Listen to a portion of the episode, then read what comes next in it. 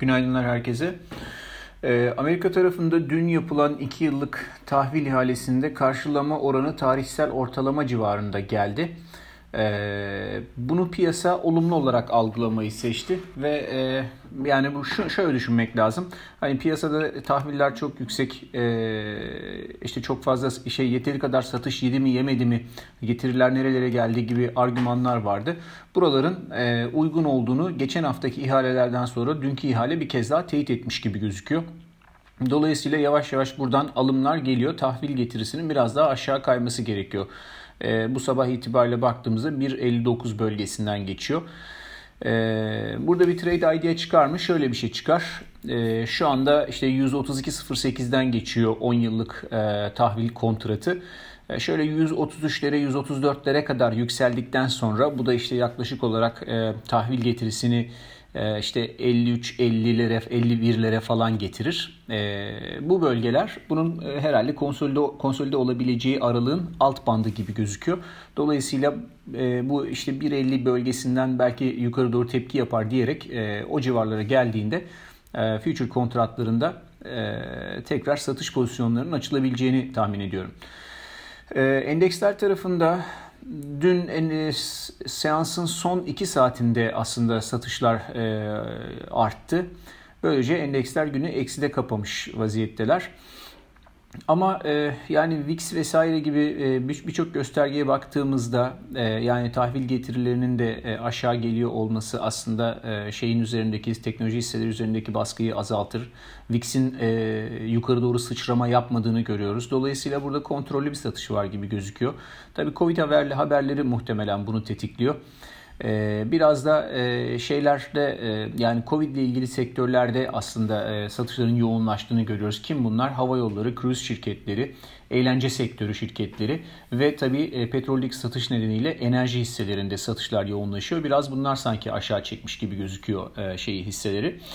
Ee, zaten hatırlarsanız bunlar e, yani özellikle hava yolları tarafında ve kruz şirketleri tarafında e, birkaç kere alsat e, önerileriyle gelmiştik ve bunlar biraz fazla değerlenmişti. En son durumda da biz bunlardan çıkılması gerektiğini zaten söylemiştik.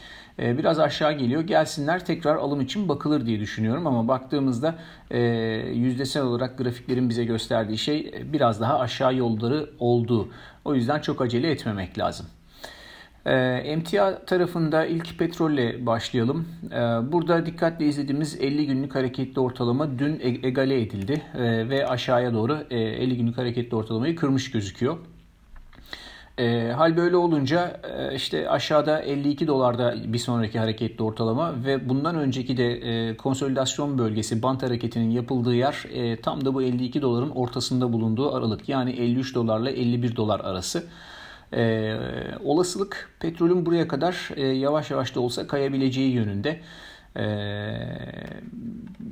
şöyle söylemek lazım aslına bakarsanız hani e, teknik anlamda zaten kendisini belli ediyordu ve e, işte iki dalga halinde kayarsa yaklaşık olarak burada 8 ee, dolarlık hareketler oluyor. 8 dolarlık hareketler 62'den 8 geldiğimiz zaman 54'e mi geliriz? 54. Demek ki e, harmonik hareket 54 doları hesaplatıyor bize.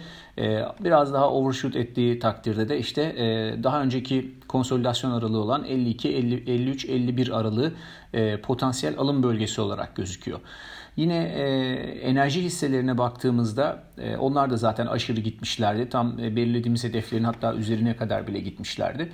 E, onların da hızla aşağı doğru geldiğini görüyorum. Ama e, orada da şöyle aşağı doğru %5'lik falan bir e, hareket var gibi gözüküyor.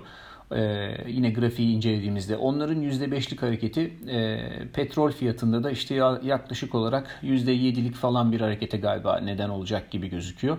3 ee, aşağı 5 yukarı seviyeler birbirine yakın geliyor.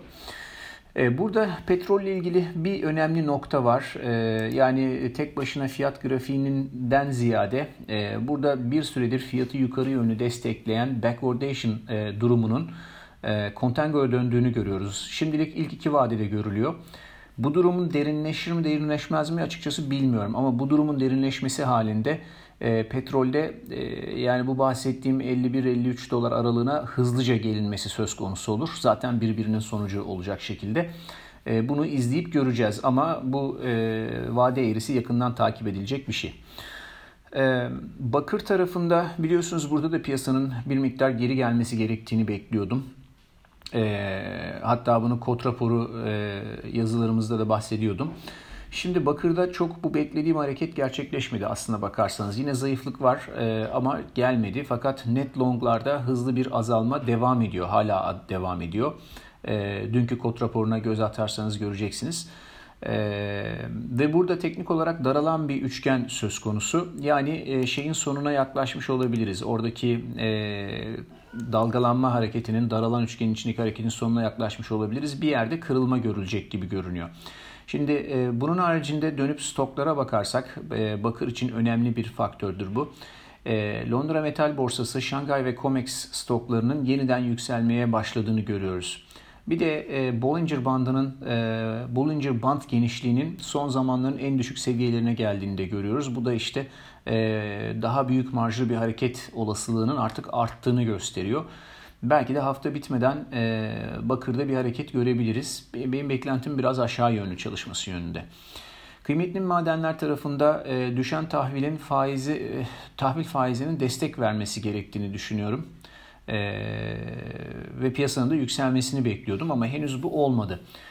E, fakat e, dünkü gümüş hareketi hariç çok belirgin bir e, şey yok. E, böyle çılgınlar gibi bir satış yok. Burada e, kıymetli metaller için etkili olabilecek iki faktör çarpışıyor öyle anlıyorum. Bir tanesi e, tahvil faizinin düşmesi, e, öbürü ise dolar endeksinin güçlenmesi. Bir ta- piyasa bir tanesini seçecek bunlardan birini seçecek. Hangisi olduğunu bilemiyorum ama benim beklentim e, düşen faizin e, e, yönünde hareket ederek e, yükselmesi eğilimi e, olacak. Ama tabii dolar endeksi eğer biraz hızlıca gidecek olursa e, o zaman bu beklenti boşa çıkar. Yine de e, takip edeceğiz tabii ki. E, bu arada gümüş ve e, platin teknik anlamda e, desteklere gelmiş vaziyette. Platin tam 50 günlük desteğin üzerinden bu sabah e, birazcık alıcı buluyor. Gümüş ise 200 e, günlük daha güçlü bir destek olan 200 günlük hareketli ortalamaya çok yakın. Takibe devam.